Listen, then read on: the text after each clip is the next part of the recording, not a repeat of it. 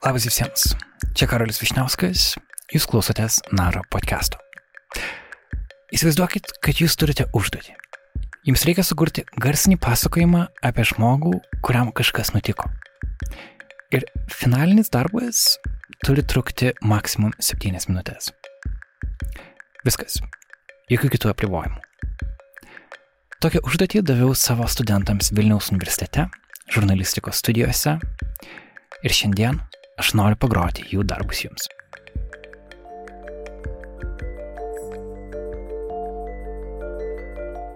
Visą tai, ką girdėsite, yra ir savotiškas eksperimentas.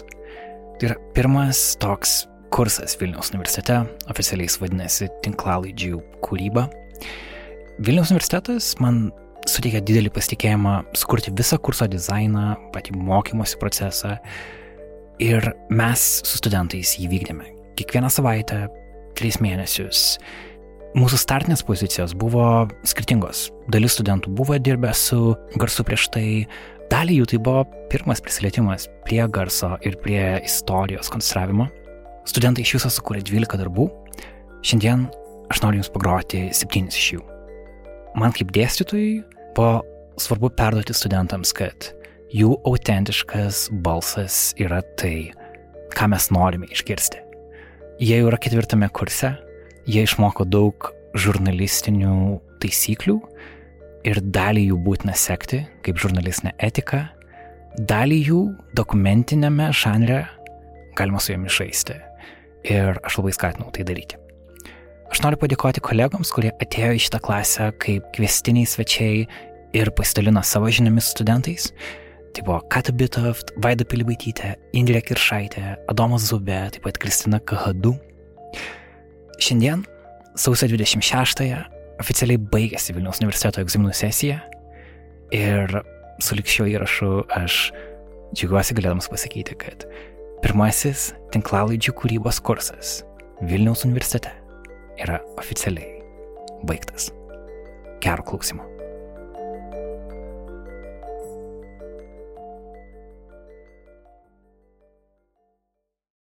Už mokyklos tvoros. Evakuacija iš mokytojos perspektyvos. Autoriai Emilija Pociutė ir Edvinas Kučinskas.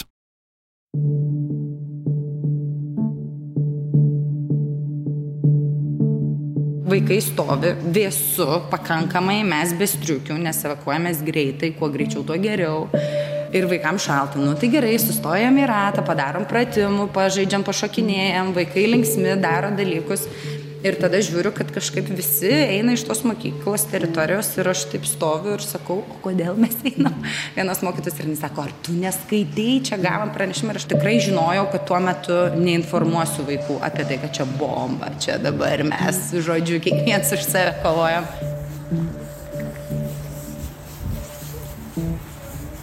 Spalio 13-ąją šimtai Lietuvos mokyklų ir darželių gavo grasinančius laiškus apie paliktus sprogmenis.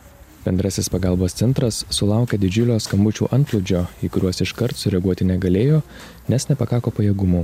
Absoliuti dauguma vaikų buvo evakuoti ir laukia, kol patalpos bus patikrintos pareigūnų.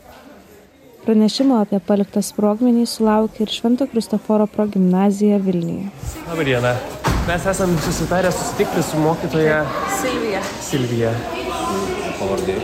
Naratskienė. Penktadienis 13 progimnazijoje suskamba evakuacijos signalas. Pirmokų mokytoja Silvija galvoja, kad tai pratybos.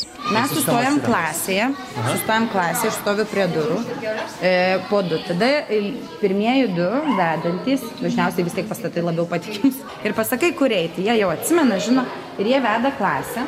Čia yra vidinis kiemas. Taip, čia yra vidinis kiemas, čia yra mūsų artimiausios evakuacinės duris per jas išeiname, aš einu paskutinę pagal susitarimą, kai klasė nieko nėra, užstatau duris su kėde.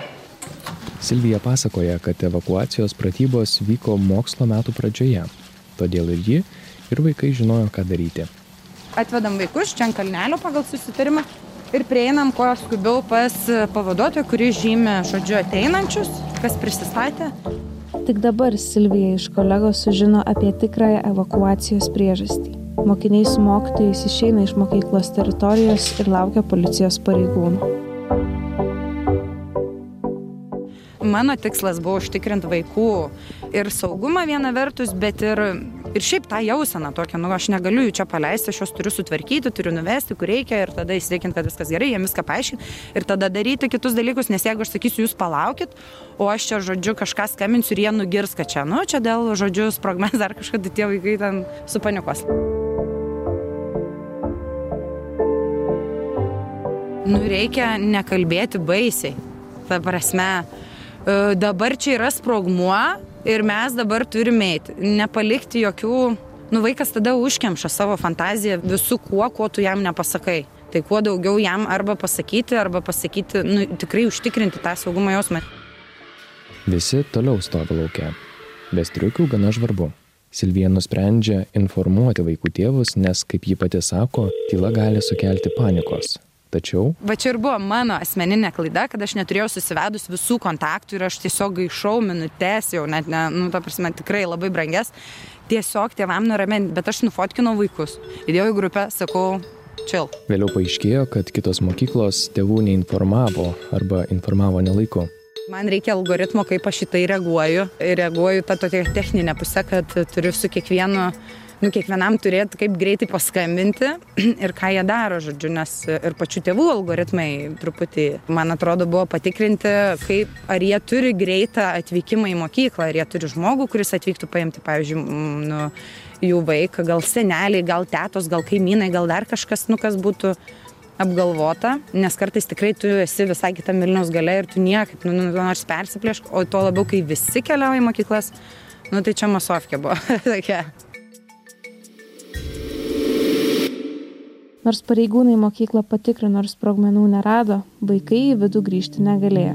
Atvykstančių tėvų Silvija kartu su savo mokiniais laukia apie valandą. Buvo nutarta, kad vaikų į mokyklą neleidžia, kad jeigu atvyksta tėvai, tai tėvai eina į mokyklą ir surenka daiktus. jau laikas praėjęs po pasakymo ir nieko ten nevyksta, visos patalpos apžiūrėtos.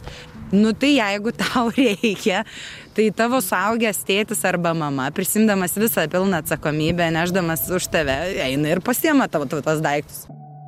Dalis Silvijos kolegų, kurie žinojo apie pranešimus, suprato, kad jie melagingi.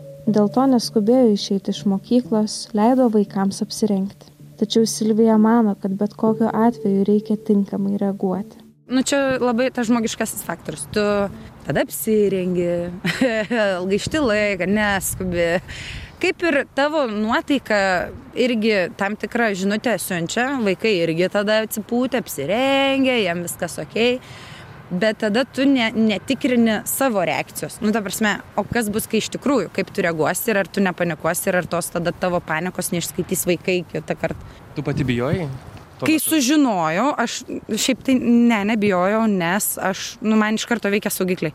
Aš ne pirmą kartą apie visokias dezinformacijas, visokius hekinimus ir, ir šiaip įvykius, kas, kas galėtų biloti, jog tai yra apgaulė, nežinau kaip čia bandymas išprovokuoti, sustabdyti sistemų darbą ir panašiai. Tai man tai nėra svetima, aš domiuosi naujienom, žinau, kas vyksta pasaulyje. Tai aš supratau, kad čia yra tiesiog, nu, protokolo laikymasis. Grasinantys pranešimai buvo rusų kalba. Valstybės saugumo departamentas vėliau juos pavadino tikslinga ir koordinuota ataka, kurią vykdo Lietuvai priešiškos valstybės. Tuo pačiu metu tokius pranešimus gavo ir Latvijos bei Estijos mokyklos. Dieną po, man atrodo, gal buvo pirmadienis, nes buvo penktadienį ir tada vėl pirmadienį. Tai tiesiog atėjo pavaduotoja ir informavo, nu, įkišo galvą, sako, apsižiūrėk savo kabinetą, čia gavom pranešimą 12 kažkiek, žodžiu, yra grasinimas, tai tą penktą pamoką visuotinai sutarta, žodžiu, vesti pamokas už mokyklos ribų. Tai tiesiog visi masiškai pasėmėm savo klases ir tiesiog penktą pamoką išėjom, kas ten į gamtą su daiktais vadovėliais. Tai mes tiesiog su vaikais išėjom į žaidimų tokią aikštelę, nes buvo, man atrodo, fizinė pamoka, e, mokėmės darnaus žaidimo ir panašiai. Ten 12, 14, man atrodo, turėjo būti. Pasižiūrėjom laikrodžius, gerai, jo mokyklos nėra. tai žodžiu, po pamokos grįšim į mokyklą. Stovės, tai stovės.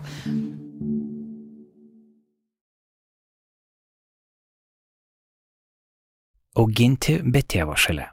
Autoriai Rytis Kamarakas, Liepas Virskaitė ir Vida Trinkaitė. Tai va, tai dabar, va, tu tik prie manęs, mes žiūrėsim nuotraukytės ir mes pasikalbėsim, gerai? Va čia, kai tu gimiai, toks buvai mažiukas, labai ramus vaikas, šitą va pirmasis maudynės. Su juo labai nenorėtų maudytis tada. Labai nenorėjai maudytis. O čia matas iš tavo veidų, ką matai. Taip. Čia pūkis. Mhm. Pūkis. Dar buvo viena foto, kai pūkis guli. Ir aš guliu. Tai mes dviese gulėjom. Mhm. Šitą rytą jis mane baisiai ten užsipuolė. Užšoko ant lovos, pradėjo žyti.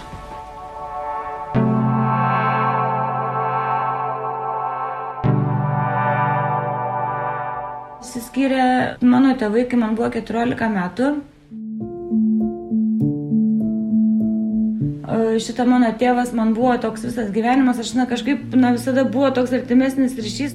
Visur kartu ir žemogių ieškoti, ir, na, jis buvo ten irgi lenktynininkas, mes ir ten lenktynėse dalyvaudavom kartu, Nu, mes, vat, kažkaip daug, daug žiūri, daug visokių dalykų darėm gyvenime, vat, ir aš, na, jaučiausi visada, vat, kad aš turiu tėti, tokia, aš esu labai stipri. Tai va ir kai jo nebeliko mano gyvenime, tai man irgi atrodė, kad viskas jau čia jau viskas, nieko nebėra, kaip čia dabar gyvensiu, kaip aš būsiu. E, Man visada jo trūkdavo. Tai va ir kažkaip radau, mm, nežinau, tą žmogų galbūt, kai, kai va tuo metu, kai dar buvau labai jauna, kai galbūt ar kažką pajaučiau, tą kažkokį, tą rūpestį kažkokį iš to žmogaus, nu, va, nu kažkokie buvo jausmai, kai man atrodė, kad, kad tai galbūt man netgi tą kompensavo, na, to tėvo nebuvimą.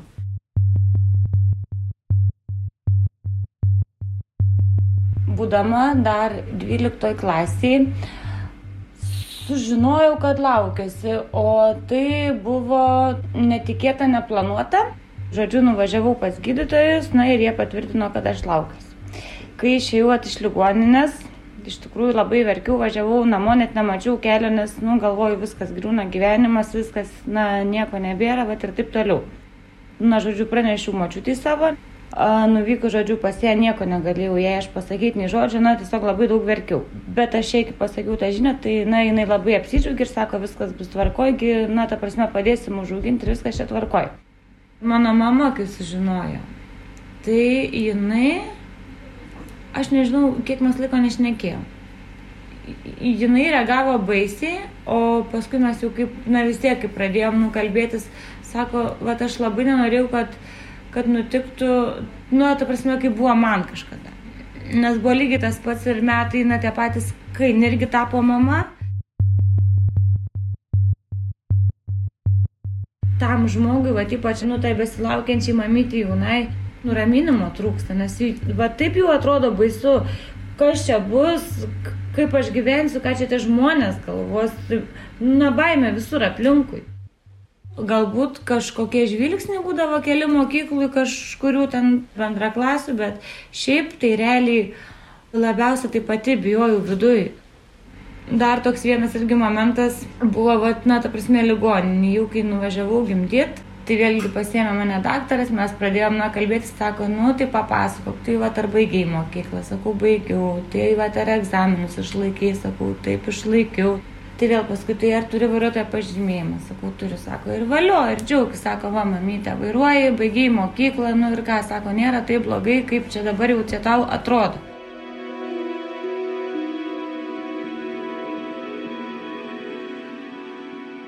Dar kaip ir gyveno kartu vaiko tėvas, na, bet jis toks žmogus buvo labai toks negatyvas, su alkoholiu labai daug problemų. Tai va ir iš tos pusės irgi buvo tas toks nusunkumas, va, nu tiesiog tam gyvenime. Santykiai mūsų buvo labai blogi, tai teko, kaip sakant, išsiskirti, va ir vienai, va išvykti. Labai riboju, žodžiu, tą bendravimą, nes, na, kai jis nuvyksta pas savo tėtį, tai jis būna dažniausiai neblaivus. Tai, va, na, tai, nu, tikrai nenoriu, kad vaikas jį matytų tokį jiem irgi vaikui, ir, nu, na, ta prasme, vaikai turi, vat, na, jausmus, tai būdavo tos, nu, nenuotikos ir matydavau to, kad, na, ta prasme, čia galbūt čia dėl to, kad nėra to tėčio, kad kažkur, vat, būdavo kartais pareini iš lauko, mama, tai draugai buvo su teveliais, ten, na, važiavo, na, ta prasme, tėvais, ar, na, na, kažkur jau, na, kas liečia vyrišką tą kažkokį veikimą, veiklą, net tą laisvalaikį, o, o, va, aš vienas ir na, tarp mūsų kildavo ne kaip pykčiai, bet tas toks nuliūdėsys. Nu, taip visą laiką galvodavau, kaip tą kompensuoti, kaip čia jam įtik tam vaikui, kad jisai, na, neliūdėtų. Tai tas toksai didžiausias dabar, nu, taip pat nuo e, šitą dešimties metų, kai jau vaikas, nu, ta prasme, jisai toks irgi tampa šitą nusamoningesnis, kai labiau viską mato, kad ir mato, kad tu mama, tu čia tik tu vieną viską darai, kad, na, ta prasme, vieną tu jo rūpinės, nu, tai kai jau pradeda matyti tuos dalykus ir, na, kažkaip jau, jau vėlgi, va, ir iš vaiko pusės jau tas toks atsiranda dėkingumo jausmas.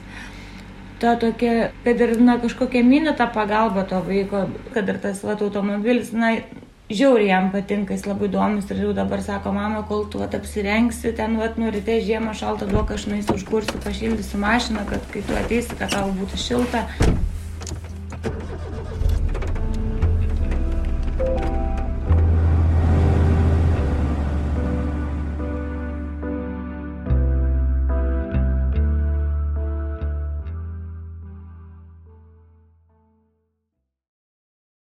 Aktyvistės autorės Viktorija Jefremova ir Gabrielė Abutytė. Kodėl tualetas uždarytas? Kodėl jį projektavo, jeigu bus uždarytas? Kodėl jisai žiemą yra nešildomas, jeigu kainuoja 60 tūkstančių eurų? Jūs kada nors matėte, pastatau namą ir nesirūpinusi jo šildymu.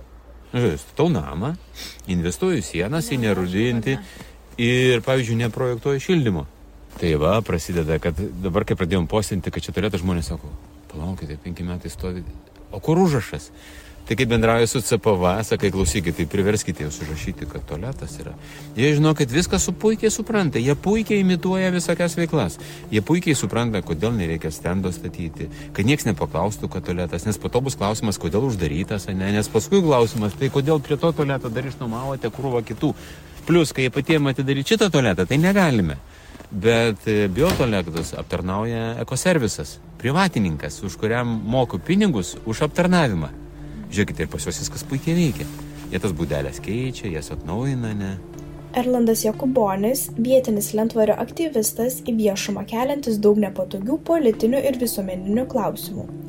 Vienas iš jų 2019-aisiais įvykdytas Trakų savivaldybės parko projektas prie Lentvaryje esančios Graužio ežero pakrantės, kuriuo metu buvo įrengtos poilsio aikštelės, pėsčiųjų ir dviračių takai, universalus sporto aikštynas. Šio projekto perliukas - pirmas viešasis tualetas Lentvaryje. Tiesa, nors projektas buvo pilnai įgyvendintas prieš ketverius metus, modernus tualetas ežero lankytojams iki šiol neprieinamas. Nu, čia yra techninės patalpos, jos užrakintos, aišku. Bet ganėtinai didelis Čia apsauga, namukas. Žiūrėkit, yra įvesta, net nemačiau. Žiūrėkit, reiškia, ir apsauga yra, čia dar nu, pultelis, reiškia, yra, turiu dar kodą įvesti, saugomas, ar ne? Rimtas statinys. Tik neapšiltintas. Nu, jie sako, kad, e, nu, neapšildytas. Nu, kaip neapšildytas, reiškia, aš jau suprantu, kad ne tai neapšildytas, greičiausiai gal radiatoriai yra. buvę, buvęs vidai. buvęs viduj. E, Jeigu atidarytumėm šitą, tai pamatytumėt, koks apmusėjęs ir kaip sienos yra juodų pelėsių padengtas. Čia jeigu jūs, žiūrėkit, įkištumėt telefoną, aš pabandysiu padaryti nuotrauką ir pamatysite, kokio baisumo sienos yra. Tuoj mes čia greitai pasisuksim. Taip. Lygste. Aha, ne tai bus paprasta. Kad telefonų neišmeščiau, ne? Ir ten vidai yra neįgaliesiams vyrams ir moteriams. Taip. Trys kambariukai. Trys durelės. jo. Ne, ne, padariau nuotrauką. Labai sunkiai čia spaudžiasi. Nu, bet aš jums norėjau sieną padaryti. Ir iškėsi, va ta geltona siena yra čia, jinai juoda yra. Nuo pelės apmusysi. Pelėsis, jo, pelėsiu. Nu, normalaus, nuo drėgmės. Nu ir va, ir lūpas matosi, ne, kad juodas. Va, čia matosi. Labai matosi, kiek va, jau pelėsis ant lūpų užsitrės. Tikrai taip. Nu, liūdėsi, žinokit. Nu, man kažkodėl rūpi. Nu, jo, galim sakyti, Mirlandai, nu, tu biški ligonis esi. Nu, taip, savotiškai taip. Man kažkodėl rūpi. Pasak Erlando, jo vietinis visuomeniškumas kilo iš 25 metų praktikos verslo srityje. Didelė aktyvisto gyvenimo dalis prabėgo Vilniuje, kur pats neretai užimdavo aukštas pareigas gerai Lietuvoje žinomose įmonėse. Pabodus gyventi šurmuliuojančioje sostinėje, vyras su šeima persikraustė į Lentvarį, kur konsultuoja įvairius verslus efektyvumo klausimais ir mažame Vilniaus priemestyje ėmė pastebėti lietuviškos politikos įdas. Koks jūsų yra tikslas visų šitų vatydų viešinimo? Nu, kad jie pradėtų iš tikrųjų už tus mokesčius mums kurti vertę. Nu, mokesčių sistema yra tokia, jeigu aš moku mokesčius, nu aš noriu paslaugos. Ir aš nenoriu brangaus paslaugos, aš noriu taip pat paslaugos kaip verslė, efektyviai valdomos. Tai jūs projektuojate tualetą, suprantate, žmonių srautas bus. Nu, kad turi būti žmogus, ne? Nu, taip, reikės mokėti atlyginimą. Taip atsiranda įsipareigojimas, atsiranda tam tikras efektyvumas, atsiranda tam tikros paslaugos, atsiranda tam tikras bendras konceptas, kad, nu, čia tokiam parkui reikia ir žmogaus, kuris takelius pašluos, pad, soliukus padažys, bet nieko nėra. Jie visi apie atlyginimą, visi apie pinigus, bet ne apie vertę. Jie nekalba apie jokią vertę. Visuomenininkas tikėjo, kad geriausia išeitis, norint pakeisti politinę sistemą, yra tapti jos dalimi pačiam. Tačiau savo jėgas išbandė socialdemokratų partijoje ir iš arti supratęs, kad kovoti reikia ne su vienos partijos įdomis, tačiau su visų politiniu mąstymu, pripažįsta, kad šiuo metu sprendimo, kaip efektyviai tai atlikti, jis neturi. Todėl svarbiausia Erlando nuomonė - pirmuosius pokyčius didesnio judėjimo link atlikti artimesnėje aplinkoje. Turėjom du automobilius, liko vienas automobilis. E, Dviračiu aš, pavyzdžiui, žinai, atrodo tokį variantą. Žmonės sako, tu kaip sakė, kaip mes be dviejų automobilių, kaip mes Vilniečiai be dviejų automobilių. Sakau, palauk, šalia traukinys yra. Yra sulankstomas elektrinis dviratukas, aš visur su juo galiu, aš jį minu, susilankstoju traukinį Ir visur - Kaunas, Klaipėda, Jonava, Šiauliai, vasara. Va taip va. Pasikvietęs į jaukius namus prie arbatos puodelio, aktyvistas pasidalino vienos klausytos paskaitos įžvalgomis anot erlando jeigu mes kaip visuomenė ignoruosime blogus valstybės sprendimus ir politikai nekeis požiūrio į valstybės valdymą ir jo tikslą netolimoje ateityje sulauksime pačios motinos žemės pasipriešinimo. Lietuviškai garsinta vokiečio miškininko paskaita apie nu savo stogą nuneš. Paskaitą galima bus rašyti arba jums nu tiesiog gyvenimas gal irgi kreipsis į nu žmogaus nu kaip mes iš tikrųjų žmonės nemokam visiškai kokie mes egoistai, godus ir kaip mes to nepastebim ir kaip, kaip metai iš metų blogėja, blogėja, blogėja, blogėja. Mes vis rytamės, rytamės, rytamės. Aš ir sūnų sakiau, žinai, mes su žmona dar kažkaip nugyvensime, bet esu kokie 2036, o 38 pamatysite Žemė bus katastrofiniai metai. Žemė tiesiog valysis nuo mūsų.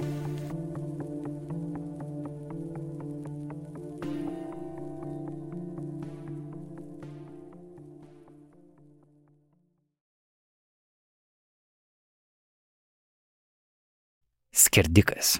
Autorės Raminta Majauskaitė ir Justina Ramanauskaitė. Prieš pradedant trumpas perspėjimas, kad įraše kalbama apie smurtą prieš gyvūnus, tad kai kurios pasakojimo detalės gali sukrėsti.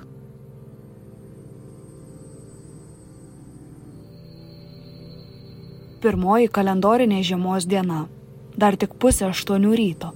Laukia tamsu ir žvarbu, tačiau Antanas manęs jau laukia prie sargų būdelės. Kartu einame į skerdyklą, kuris praleido daugiau nei pusę savo gyvenimo.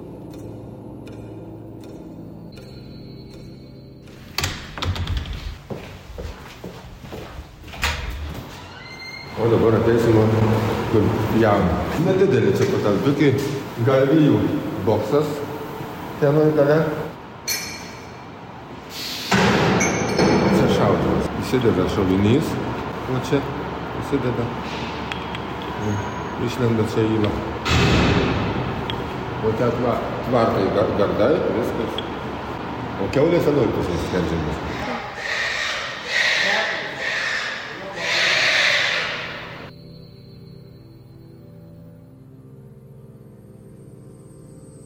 Minutė keulių, minutė keulių.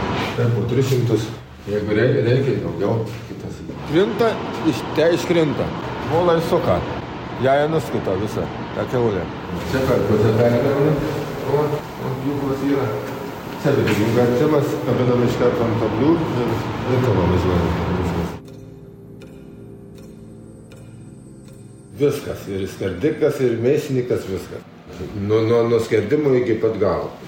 Pradėjau dirbti, tai staugdavau naktim, reikaudavau, šokdavau iš lovos. Bet įpratau dabar mėgau. 36 metus jau sukaliau šičia. Į dar dirbu, prašau. Žinokit, tą darbą tik tai organizmas, kurio geras gali dirbti. Pasiruošim viską. Laukiam. Ateina ir eini į darbą. Tas iki nenori eiti, bet tai jau reikia. Ir pradedam skersti elektrą užmušą. Prisim, tik tai prisimuši ją, prisisvaigini tik tai. O jeigu ją jau po, de, po penkių minučių dar nepadūrės ir atsistojus jau jinai girta vaikščioja. Jeigu gerai paskardai, tris minutės iki keulė gatava būna. Tas iki, nuduri ne taip, tas iki visko būna pasitaikyti. Jauti šaunam. Tokia yra toks šautuvas, įlai sulenda į kaktą, į smegenis, į viskas. Jis, tas jautis irgi gyvas lieka. Tik tai prisisvaigini jį. Paskui pakabinam ir padavim. Iš, išverti vidurius, perpjaunam per pusę ir iš šaldytuvą stamim. Pasiduri keulio, pakabini, ją į vonę įkrinta. Viskas. Nuskuta, ją į tolyn įvažiuoja. Pakabini ant linijos dar vienas dalykas. Dar jinai krūta. Į gyvonios atvažiuoja kitas iki, jeigu biškai, biškai, ne, ne, biškai, ne dadūrai, tai jinai sukrota prie pat vonios.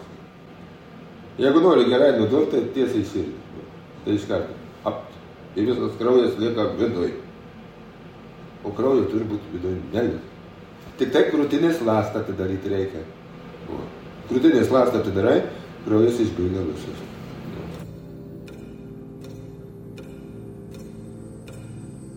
O dabar man paduokit vištą papjauti, viskas. Bop, įguliu ant žemės. Ne, vištos negaliu. Ji man šokinėja viskas. Viskas, negaliu. Aš namie tik auginu vištų, liepi nukirs galvą, nukirtau. Tai gerai, kad gaspadinį buvau šalia.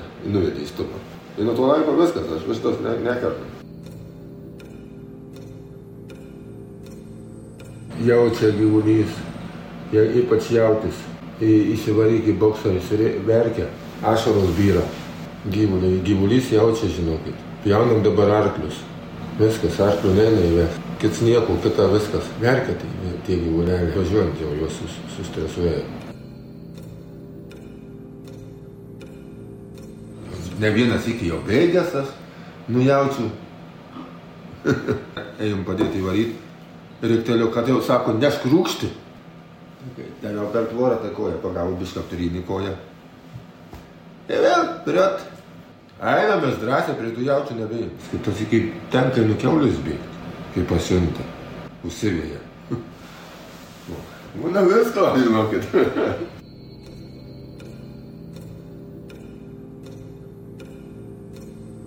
Skerdiko reiks visą laiką. Robotai tik tai, tik tai perpjauna. Tai, o daugiau ne.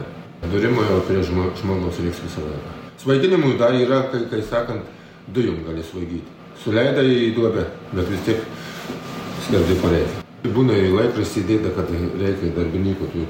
Ateina, pasižiūri, ne, sveikata neleidžia. Dabar yra pas mus irgi tų.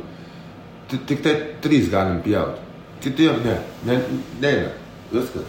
O tai, tai tik tai norėčiau priimti. Skerdžia, bet jau ne, ne tas skerdimas gaunasi. Ta mėsa visa gaunasi, kai sakant, krūvina, po mentim padurta. Būna į mum, ką mes padarėm po tą mentę, pasitaiko, bet nu, jeigu po mentę padursi, žinok, visą tą mentę turėsi išmest. Gal į, į priekybą jau neis. Viskas. Veža to, tokias, kur jau brokuotas, veža į ceką. Į dešras gaminti. Kvapas tai jau žinokit, pareini iš darbo, nors ir įsimaudom šitą darbę. Dar namie einu maudytis vis tiek kvapas yra, įsigeria tas kvapas, žinokit.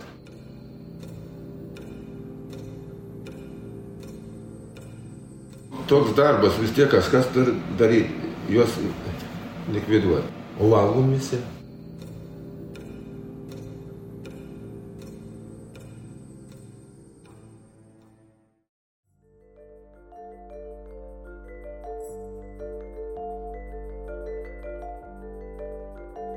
Jūs klausote Naro podcast'o? Šiandien mūsų eterija yra Vilniaus universiteto žurnalistikos studentų darbai, pirmasis tinklalaidžių kūrybos kursas Vilniaus universitete Jį vedžiau aš, Karolis Višnauskas, kartu su kolegomis iš NARA ir LRT radio kaip kvestiniais svečiais. Aš noriu padėkoti kolegams Julijai Stankievičiūtei ir Austėjai Pūraitai, kurios visus darbus perklausė ir padėjo surikiuoti finalinę selekciją, kurią jūs girdite šiandien. Ir šią progą noriu paminėti, kad taip Naroje yra visada, kad galbūt jūs girdite mano balsą kaip vedėjo balsą, bet prie kiekvieno epizodo dirba eilė žmonių, kurių indėlis yra labai labai svarbus. Ir Aš noriu šitą vietą paprašyti palaikyti mūsų darbą.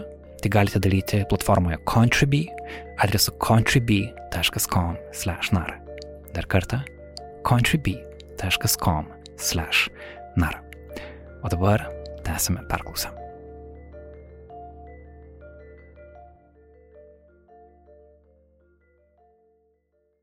Studentas vienolyne. Autorės Kamilė Petrauskaitė ir Goda Kirkilaitė.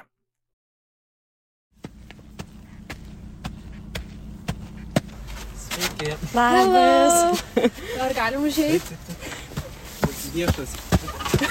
Erdvė. Aš Kamilė. Deividas. Malonu. Aš Goda. Ačiū.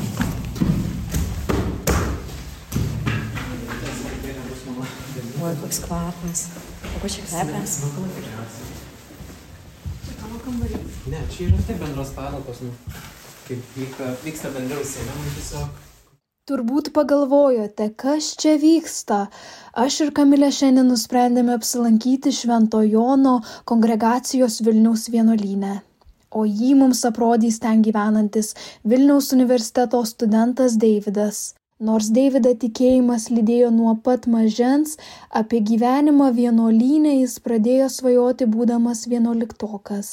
Ir ne, ne dėl to, kad panoro būti vienuolis, o dėl to, kad jis ieškojo bendraminčių, kurių, kaip sako studentas, šis negalėtų atrasti bendrabutyje. Tiesiog žinau, kad noriu aš gyventi ne universiteto bendrabutyje, kur nežinia su kuo apsigyvensi, nežinia kokia bus atmosfera, visiškai nežinoma, nežinomybė buvo visiškai. Aš žinau, kad aš tiesiog noriu gyventi kažkokioje bendruomenėje, noriu gyventi e, tarp žmonių, kurie nors kiek būtų tiesiog panašus į mane. Tačiau toks Davido sprendimas ne visiems iš pradžių kėlė entuzijazmą. Vaikino mama pasakoja, kad jiems kaip tėvams svarbiausia buvo, kad sunus visų pirma įstotų į universitetą, o kai tą padaryti pavyko, tada tėvai pradėjo šiuo sprendimu abejoti. Na, mes vis tiek dar siūlėm pasirinkti jam ir gavo bendrabutį į tą ir universiteto ir mes su tėčiu visaip kaip dar bandėm jam sakyti, kad esi jaunas žmogus.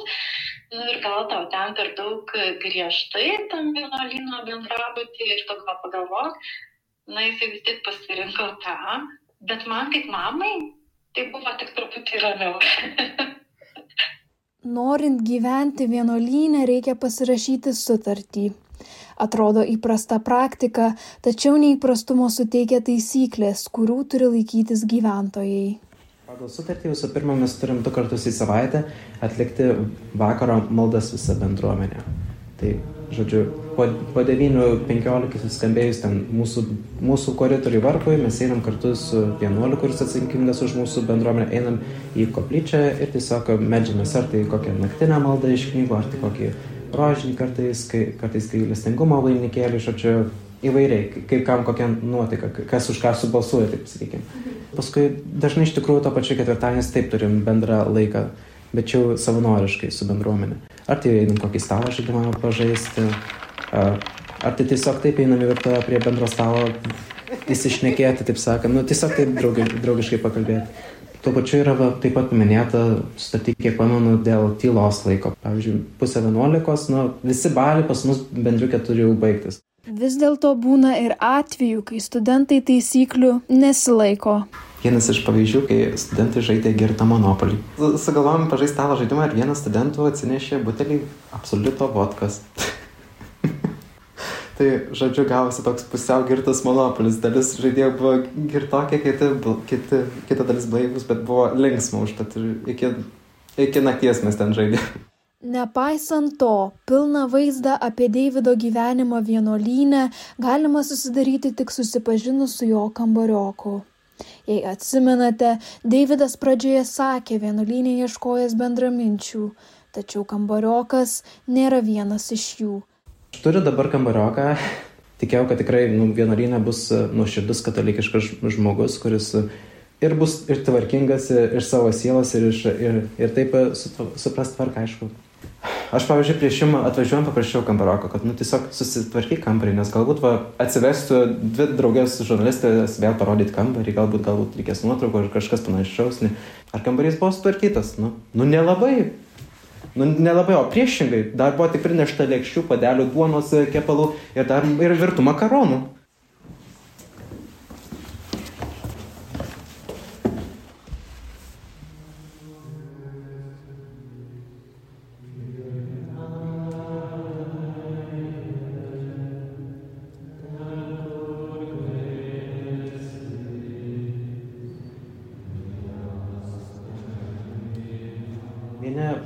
Bendruomenės nariai aktyviai įsitraukia į įvairiausias vienuolyno veiklas, supranta, kad čia yra bendruomenė, tiesiog gyvena bendruomenė. Kiti kartais pasijaučia, kad tiesiog ateina šį vienuolyną tik dėl to, kad čia yra geresnės sąlygos gyventi. Ne, ne, ne Vilniaus universiteto tiesiog bendrabutis, bet tiesiog naudojasi ta, tais privalumais, geresnėms sąlygom ir viskas. Bet tos, į tą bendruomenę tiesiog ignoruoja. Tai tikrai pasijaučia šioje, šioje vietoje tai, tiesiog pradeda tai skaldyti bendruomenę į dvi, į dvi dalis.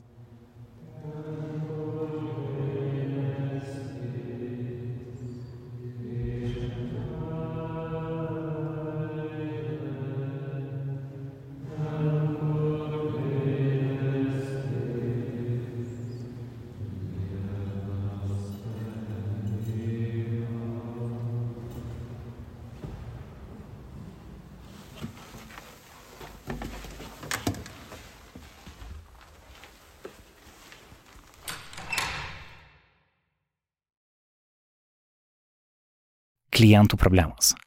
Autorės Urtė Pipinytė ir Aurelija Plokštytė. Pradedu. Užėjus į savo mėgstamą kavinę užsisakote puodelį kavos, kol laukiate uodžiate, kad čia kaip visuomet kvepia ką tik keptomis cinamoninėmis bandelėmis, o sulaukus padėkojate ir traukiate durų link. Įprastas apsilankimas kavinėje? Tikrai ne kiekvienam. Kavinių ir parduotuvių darbuotojai pasakoja, kad iš klientų dažnai išgirsta daug daugiau informacijos nei tikėtųsi. Kai kurie labiau linkia į asmeniškumus, o kiti šiaip linkia. Tiek vyresnio amžiaus Marija, kolegų juokais, o kartais ir iš pagarbos pavadinama ponia Marija, Vilniaus centre įsikūrusioje kavinėje Kmyninė praleido ketverius metus. Tačiau visai neseniai dėl sveikatos problemų šį darbą metė. Apie politiką. Bet e, tiesiog greičiausiai, kad priemi visą, visą tą pokalbį, kaip e, išklausai žmogaus tiesiog. Nes dažniausiai tas žmogus, kuris ateina pasikalbėti, jis tiesiog nori būti išklausytas jam nelabai svarbu tavo patarimai.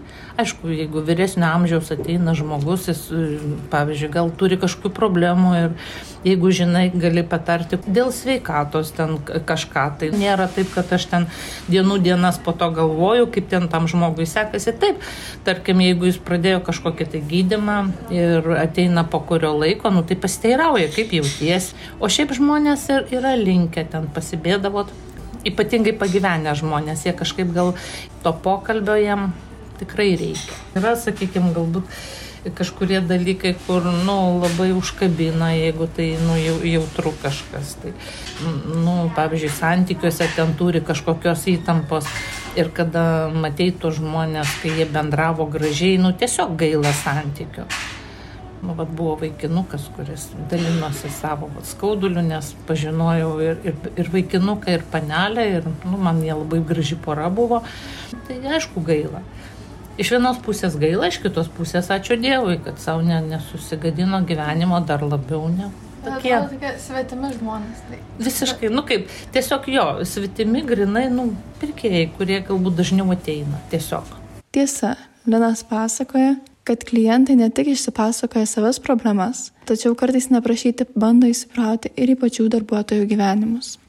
Kai dirbau Narvesinė, aš turėdavau pamainas po 12 valandų, nuo ryto iki vakaro. Ir pas mane ryte kažkoks vyras buvo atėjęs. Kadangi pas mane šalia buvo kazinkė, tai jis, kiek supratau, tą kazino įrėjo. Aš 10 atsidarydavau, tai jis gal kokia 11-12 buvo, bet aš jo visiškai neprisimenu. Bet jis antras įkai atėjo, jis sakė, kad buvo ryte. O ten buvo, man atrodo, sekmadienis ir tu jau ten po dviejų dienų ten visas nusivaręs jau stovi. Ten veidelis toks geresnis, žinai, atrodo. Tai jis antrą vakarę ten atėjo gal kokį, nežinau, 7-8, man atrodo, aš 10 užsidarau. Ir jis atėjo, ten vėl kažką nusipirko, sako, aš jau ryte buvo, pradėjo klausinėtis iš manęs. Kaip tau čia, žinai, sunku dirbti, ar, ar čia labai baisų tų klientų ateina, tartata, tartata. O aš ten noriu tiesiog tvarkyti, eiti namo. Aš jo tada jau atsainiai, žinai, taip pat sakau tos klausimus, ten ką jis klausė. Nu gerai, žinai, viso gero, viso gero. Ir tada po poros minučių jis grįžta ir padeda man ant lėkštutės 5 eurų. Ir sako, čia tau, nes aš matau, kad tau yra blogai šiuo momentu ir kad tau labiau tų pinigų reikia negu man. Aš buvau be amo ir be žodžių. Aš laikiau tuos 5 eurų gal kokius, nežinau, dvi savaitės, galvoju, gal jis grįž, gal jis ir išgirs ar kažko privartojus, nes, nu, kas duoda 5 eurų kaip tipsus. Nu, tai galų galia jūs neapsireiškint, tai ir aš pasiėmiau tuos 5 eurų, bet vis vieni kaip aš jau taip kažkaip šlikščiai jaučiausi galvojau, kad tikrai manęs lauks ten, žinai, už to, kai užsirakinsiu ir tipo, tai einam kažką ten paveikti. Nu žiauriai, taip kaip escort service, žinai, aš tau čia primokėjau ir dabar mes stiksim. Sakau, žinai, man nereikia tų jūsų pinigų, jūs pasimkite savo pinigų, nes, nu ką žinau. Ir toks, ne, ir išėjai toks iš vienos pusės. Nejauku tikrai, kai žino, kur tu esi ir ką tu veiki kokiu laiku kodėl žmonės yra linkę išsipasakoti nepažįstamiems žmonėms ir kodėl išklausytojais dažnai tampa kirpėjai, kavinės darbuotojai ir kiti panašaus pobūdžio darbus dirbantys žmonės. Iš šiuos klausimus atsakyti stengiasi psichologas Oskaras Brežinskas. Tai yra žmogus, kurio tu daugiau nematysi. Tai labai paprastai išpilt visas savo nuodėmės, kad tau e, nekirbėtų viduje ir tu turi tą progą tiesiog išeiti ir toliau ten nebegrįžti. Galbūt eiti pas kitą kirpėją apsikirpti, nes tu jau jam pasakėjai kažką, kažką labai intimaus. Taip pat labai veikia ir psichologai. Klientas, kai ateina pas tave, tai jis iš, turi pasakyti, kaip sakoma, kuo daugiau, kad tu turėtum su tą informaciją, ką daryti, dirbti. Ir kai jis išeina iš to kabineto, jis žino, kad tave pamatys tik tai galbūt po savaitės ar po dviejų, priklausomai kada susitarėt ir nematys tavęs tavo draugų rate, galvodamas, kad tu apie jį viską žinai. Jis grįžta tik tai savo nustatytų laiku, kada jis nori pas jį, nu, pavyzdžiui, pasiregistruoja apsikirpti ar tai ką, ir tai tampa perkeltinė terapija. Nes patys kirpėjai sako, mes esame tokie kaip ir terapeutai, nes žmonės ateina, jie turi tam tikrą laiką apkirpimo, išsikalba, išeina. Kai darbė tau nuolat yra užkraunamas svetimų žmonių problemas, kiek ilgai galėtum išlaikyti šypseną veide. Tikriausiai viskas priklauso nuo asmenybės. Labai priklauso nuo žmogaus. Ar jis yra labai jautrus ir priima visą tą informaciją, ar jis yra mažiau jautrus ir į tai reaguoja labai šaltai, kaip į dar vieną įprastą klientą e, ir jo įprastas, paprastas istorijas. Jeigu priimtų taip e, jautriai, stipriai jautriai, tai manau po mėnesio perdegimas ateitų. Nes, nu vis tiek, kirpėjas ar barista, labai daug žmonių per dieną sutinka ir kiekvienas vis tiek kažką papasakoja, kažko pasidalina. Tad kokios pagalbos darbuotojas visgi gali sulaukti, jei darbe jaučia didelį emocinį apkrovimą? Pradžiai visą laiką yra artimieji, nes jie tave labiausiai supranta, geriausiai žino, tiesiog pasipasakos apie tai, kokia buvo diena, e, kaip sekėsi, nuo ko pavargo, kad tiesiog išimti tą garą. Tačiau jeigu to nepakanka, tai vat esame mes, psichologai, pas kurias galima ateiti ir pasimokyti įvairių metodikų, kurios padeda vat, priimti tą informaciją ramiau, su ramiom emocijom, kad jos taip stipriai nepaveiktų pačio tavęs ir kad, kad e, tu po darbo jų tų emocijų, kurias įgavai darbo metu, neišsinešti.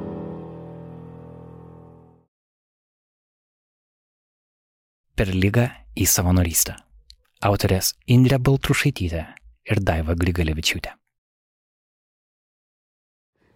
Labas, labas, kaip tu? Bukt. Jo? Nu, papasako, kaip diena praėjo. A mamam, a mamam, darai. Mam?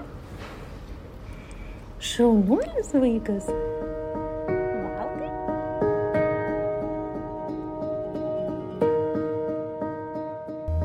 Niekieno vaikai tai yra visų mūsų vaikai. Kažkaip pabūnu su jais iš tikrųjų emociškai tiesiog pasikrovusi. Šiandien kalbamės su Brigita. Brigita - iniciatyvos niekieno vaikai savanorė, lankantis sergančius vienišus vaikus ligoninėse, įdant suteiktų jiems emocinę paramą, su jais bendrautų, žaistų, juos paguostų ar tiesiog laikydama už rankos pasėdėtų šalia. Brigitai noras savanoriauti kilo po to, kai pati daug laiko praleido ligoninių palatose. Sirgau vėžiu. Iš tikrųjų buvo labai Gydymas buvo labai ilgas, truko apie du metus, iš tikrųjų dar ir dabar tęsiasi, bet pats tas intensyvumas tai du metai. Tai ligoninėse tikrai daug praleidau. Sunkiausia tai buvo tai, kad labai daug žmonių atsiribojo. Prasme, tiek draugų, tiek giminių, bet aš aišku, nu, supratau, kad jie tiesiog, nu, jie nežinojo, kaip elgtis, kaip reaguoti, kaip su manim bendrauti. Ir žmonės bijo va tokių sergančių, kad nu, mes taigi nieko neįsiskiriantis žmonės, linkia toliau gyventi, bendrauti. Ir, bet labai daug draugų praradau. Kaip be būtų keista. Atrodo, turėtų palaikyti tave, bet. Brigita su krūties vėžiu kovoja jau daugiau nei keturis metus. Per juos moteris nekartą norėjo sugrįžti į normalų gyvenimą, tačiau ją vis iš naujo užklupdavo onkologinė liga tos mintys vis kildavo, kad nu va viskas grįšiu ir tada užpuldavo kita lyga. tai žodžiu, aš turėjau ir stuburo operaciją, ir šities operaciją. Tai čia viskas yra vėžio pasiekmes ir tada nusprendžiau, kad aš nieko savo nesakysiu, aš tiesiog sugrįšiu ir aplenksiu sekančią lygą. ir aš ją aplenkiau.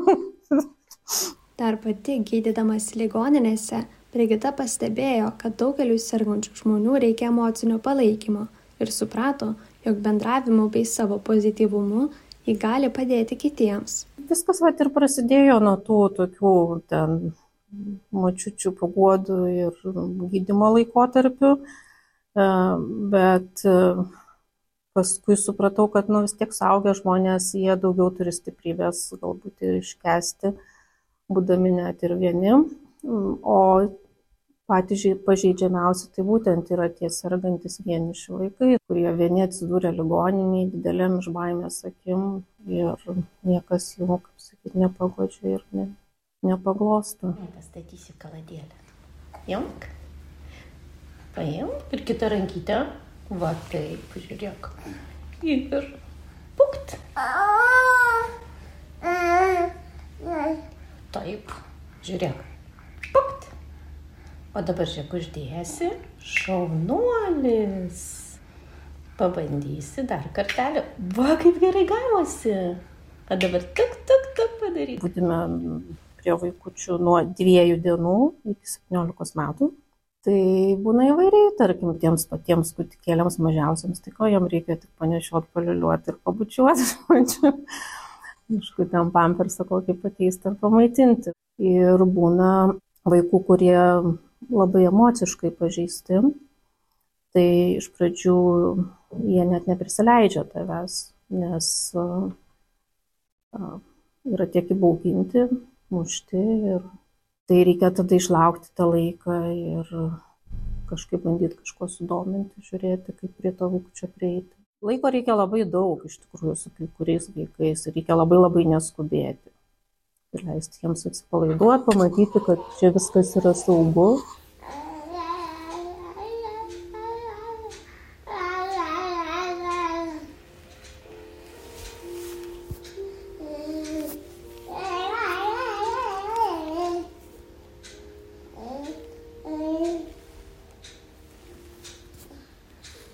Dabar turiu berniuką, kurį nuo savaitės jau globoju ir jam dabar metai ir du mėnesiai ir jisai visą tą laiką pragulėjęs ligoninėje. Nu tai tu eini jau kaip pas savo vaiką. Aš apskritai juos visus vadinu mano vaikai.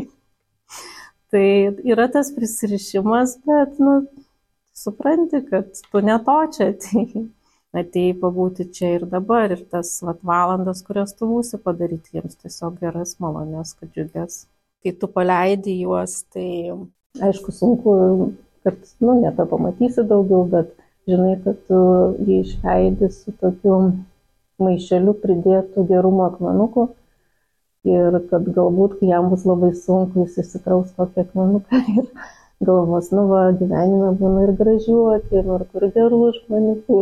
O man pačiai, man, nu, nežinau, man kažkoks toks įprasminimas, aš jaučiu tokią, kažkaip pabūnu su jais, iš tikrųjų emociškai tiesiog pasikrovusi. O kitas dalykas, tai mm, aš esu praradusi savo vaiką ir, ir man tokia, nu, sakyt, atgaiva, tokia neišnaudotos motiniškos šilumos skleidimas kitiems.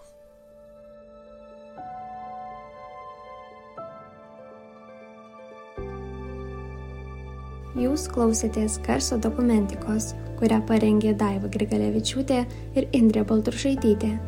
Dėkojame pašnekoviai Brigitai, kuri sutiko papasakoti savo istoriją ir pasidalijo garsinėmis akimirkomis iš savanorystės.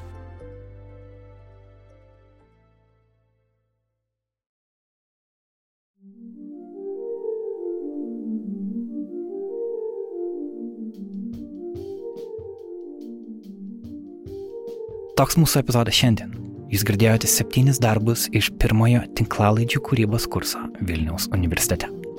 Darbus kūrė ketvirto kurso žurnalistikos studentai. Jų mentorius buvau aš Karolis Višniauskas, o man skirtingais kurso etapais padėjo kolegos ir draugai Kata Bitoft, Vaida Pilibaitytė, Indrė Kiršaitė, Adomas Zubė ir Kristina Kahadu. Man labai įdomu, kaip jums susiklausė šie įrašai, kokios yra mintis apie tai kokias temas studentai renkasi ir kaip jas atskleidžia. Man kaip a, dėstytojui tas yra be galo svarbu ir aš noriu tai žinias suprasti pats ir perduoti studentams. Man visada galite prašyti elektroninį laišką adresu karolis.nara.lt arba tiesiog rasti mane Instagram'e, Facebook'e, visada laukiu ten jūsų laiškų. Naro podcastas sugrįž pas jūs vasarį. Ačiū, kad esate kartu. Kol kas sakau, iki.